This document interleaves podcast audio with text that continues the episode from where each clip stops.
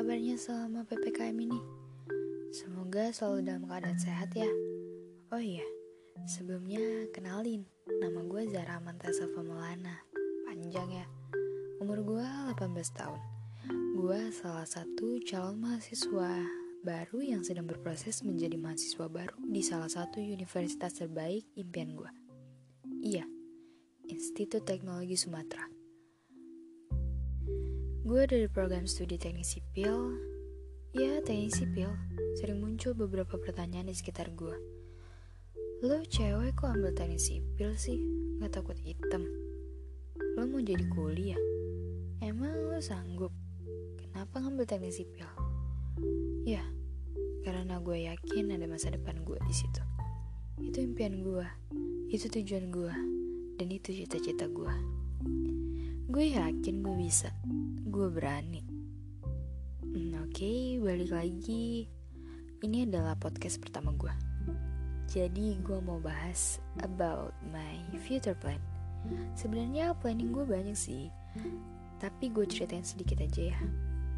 Jadi awal mula gue pilih prodi ini karena gue terinspirasi dari papa gue. Enggak, papa gue bukan lulusan teknik sipil. Papa yang ngasih gue gambaran tentang teknik sipil ini. Dari situ gue bisa ngebayangin ke depannya bagaimana. Iya, walaupun kata orang itu susah, tapi gue pengen buktiin ke semua orang kalau gue bisa. Karena untuk mencapai suatu tujuan perlu proses dan gak ada yang instan. Mie instan aja perlu dimasak dulu baru bisa dinikmatin ya kan.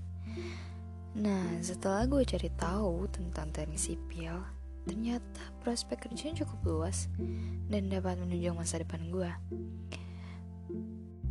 gue bakalan fokus kuliah dan gak santai-santai kayak SMA kemarin.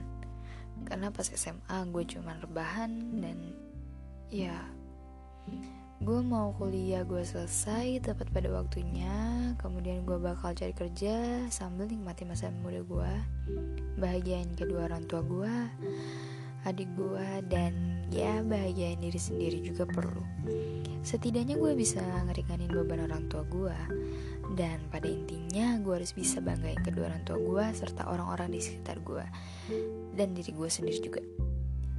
Semua itu bisa tercapai kalau emang niat dari hati disertai dengan doa dan usaha. Yang penting kita juga harus tahu jalan sesuai dengan tujuan kita. Hmm, kayaknya cukup sampai sini aja podcast gue kali ini. Semoga dapat sedikit memotivasi kalian yang lagi dengerin ini ya. Terima kasih untuk yang udah dengerin podcast gue. Semoga kalian selalu dalam keadaan sehat dan dapat mewujudkan planning kalian di masa depan. And see you.